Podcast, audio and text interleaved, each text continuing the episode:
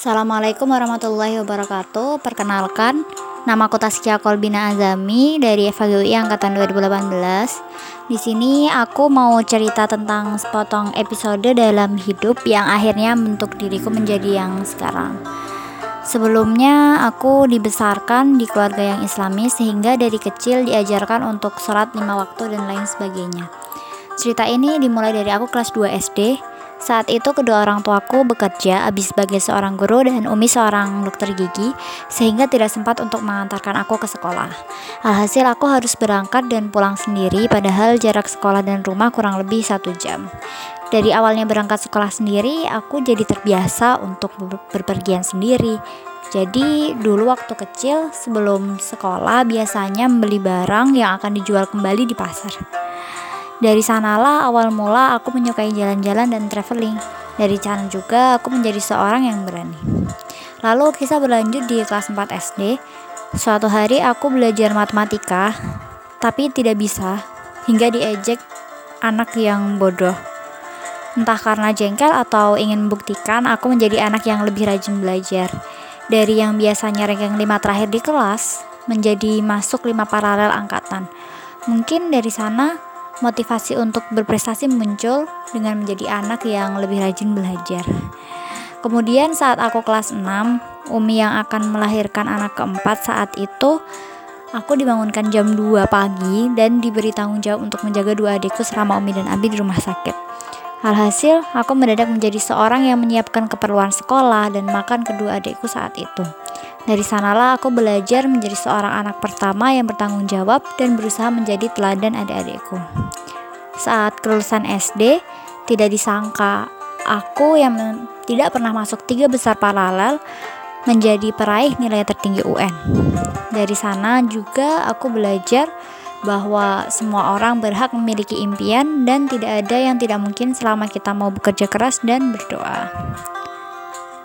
Cerita berlanjut nih ke masa menengah pertama. Aku masuk ke sekolah berbasis asrama yang cukup ketat sehingga aku terbiasa bekerja di bawah tekanan. Kalau boleh dibilang, masa ini adalah masa terpahit dalam hidup. Ketika kelas 7, aku diturunkan dari ketua asrama karena beberapa sifat yang memang harus diperbaiki kala itu. Dari sana aku menjadi mengerti, menjadi manusia harus selalu rendah hati. Menjadi manusia harus bisa membangun kebersamaan dan senang hati membantu orang lain. Setelah dikritik satu angkatan, akhirnya aku berusaha memperbaiki diri. Hingga di kelas 8, aku kembali dipercaya menjadi wakil ketua OSIS dan ketua Patrama Putri. Dari sana, aku belajar bagaimana membangun kepercayaan. Nah, selain organisasi, aku juga berusaha mengikuti berbagai perlombaan. Lomba yang paling berkesan adalah lomba siswa berprestasi di kelas 12 untuk mengikuti eh maaf di kelas 9 untuk mengikuti lomba tersebut aku harus menguasai beberapa hal seperti pengetahuan umum, teknologi, seni, pidato bahasa Inggris, kreativitas dan wawancara. Persiapannya kurang lebih satu minggu dan aku akhirnya hanya tidur 2 sampai 3 jam seharinya. Karena berbagai latihan yang harus dijalani dan latihan yang paling berkesan itu adalah belajar piano untuk aspek seni. Itu sangat asik dan sangat menyenangkan. Dengan berbagai jerih payah dan usaha, akhirnya mendapatkan juara tiga siswa berprestasi. Tentu hal ini tak lepas dari kehendak Allah Subhanahu wa taala dan lagi-lagi di sini aku belajar betapa pentingnya kerja keras. Beranjak dari sekolah menengah pertama, kali ini masuk ke sekolah berbasis boarding school yang tidak ketat sama sekali, tapi memiliki banyak sekali tugas. Di awal-awal sempat terpikir untuk pindah sekolah karena rutinitas yang begitu padat. Tapi akhirnya aku berusaha untuk menyesuaikan. Dari proses adaptasi tersebut, aku mengetahui betapa pentingnya manajemen waktu. Waktu SMA adalah waktu-waktu emas di mana sangat berperan besar pada kehidupanku saat ini. Tapi aku akan menceritakan beberapa hal saja yang sangat memorable dan terkenang. Yang pertama itu saat kelas 10. Saat itu pertama kali pelajaran fisika bersama guru favorit kami.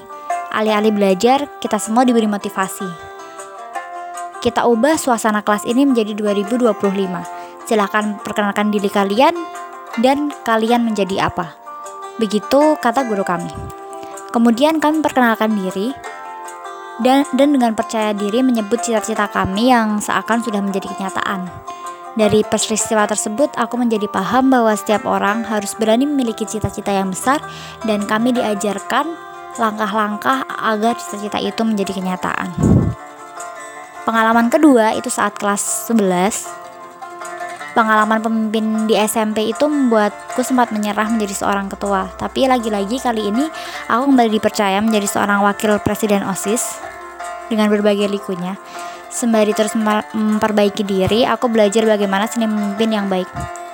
Organisasi yang begitu aktif dan banyak program kerja cukup menjadi tantangan saat itu. Singkat cerita, setelah masa kepengurusan selesai, aku mendapat banyak surat dari para anggota, surat tentang terima kasih atas kebersamaan yang telah dibangun selama ini. Ada pepatah kuno yang bilang dikutip oleh Muhammad Rem, memimpin itu menderita.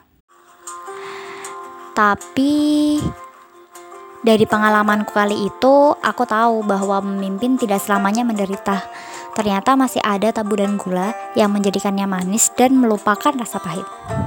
Pengalaman ketiga adalah pengalaman menjadi seorang steering committee Inhafagansa.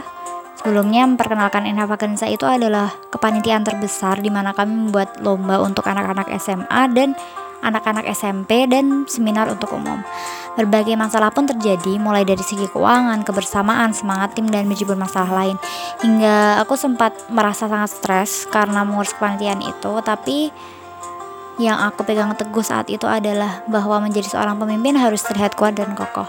Maka pada saat itu aku banyak belajar bagaimana menjadi seorang problem solver yang baik dan menjadi seorang yang kuat. Pengalaman terakhir adalah pengalaman melanjutkan studi jadi ketika itu aku mengandalkan kerja keras, mengetuk pintu langit dan secukur. Aku selalu belajar SBM setiap hari, bahkan satu bulan sebelum SBM aku belajar kurang lebih 10 jam setiap harinya. Tapi ada satu titik di mana tryout tidak pernah naik sampai aku merasa putus asa. Jadi nilai tryoutku tuh nggak pernah naik. Kali itu aku bercakap dengan seorang guru dan beliau berkata, kalau kamu tahu lawanmu itu lebih pintar dari kamu, lebih cerdas dari kamu, maka lakukan sesuatu yang orang lain tidak semua melakukannya, yakni mengetuk pintu langit. Dari sana aku belajar bahwa memiliki amalan unggulan adalah hal yang amat penting. Lalu aku pun belajar bahwa setiap ketetapan yang datang, entah baik atau buruk, kita harus bersyukur. Kali itu pengumuman ujian masuk yang ketiga dan ternyata aku masih tidak lolos. Kalau dihitung ada ujian SNMPTN, Telkom, jalur prestasi dan IPB, jalur ketua OSIS ketiganya aku tidak lolos. Namun ketika banyak orang dari di sekelilingku berkata, "Tas, jangan lupa sujud syukur ya." Itu sesuatu yang begitu menyadarkan hati sih. Jangan sampai satu ketapan yang tidak kita kehendaki melupakan segala rezeki yang telah Allah beri. Dan semakin memahami, pasti Allah tahulah yang terbaik untuk kita. Singkat cerita, akhirnya aku diterima jalur SBMPTN di FKG Dari berbagai kisah hidup yang aku jalani, eh, aku selalu berusaha untuk semakin berkembang dan perbaiki diri. Begitulah jalan hidup yang akhirnya membentuk aku menjadi pribadi yang sekarang. Terlalu lama ya kita berbicara. Bukan kita, tepatnya aku sih berbicara. Uh, mohon maaf apabila ada salah kata. Terima kasih telah bersedia mendengar cerita. Wassalamualaikum warahmatullahi wabarakatuh.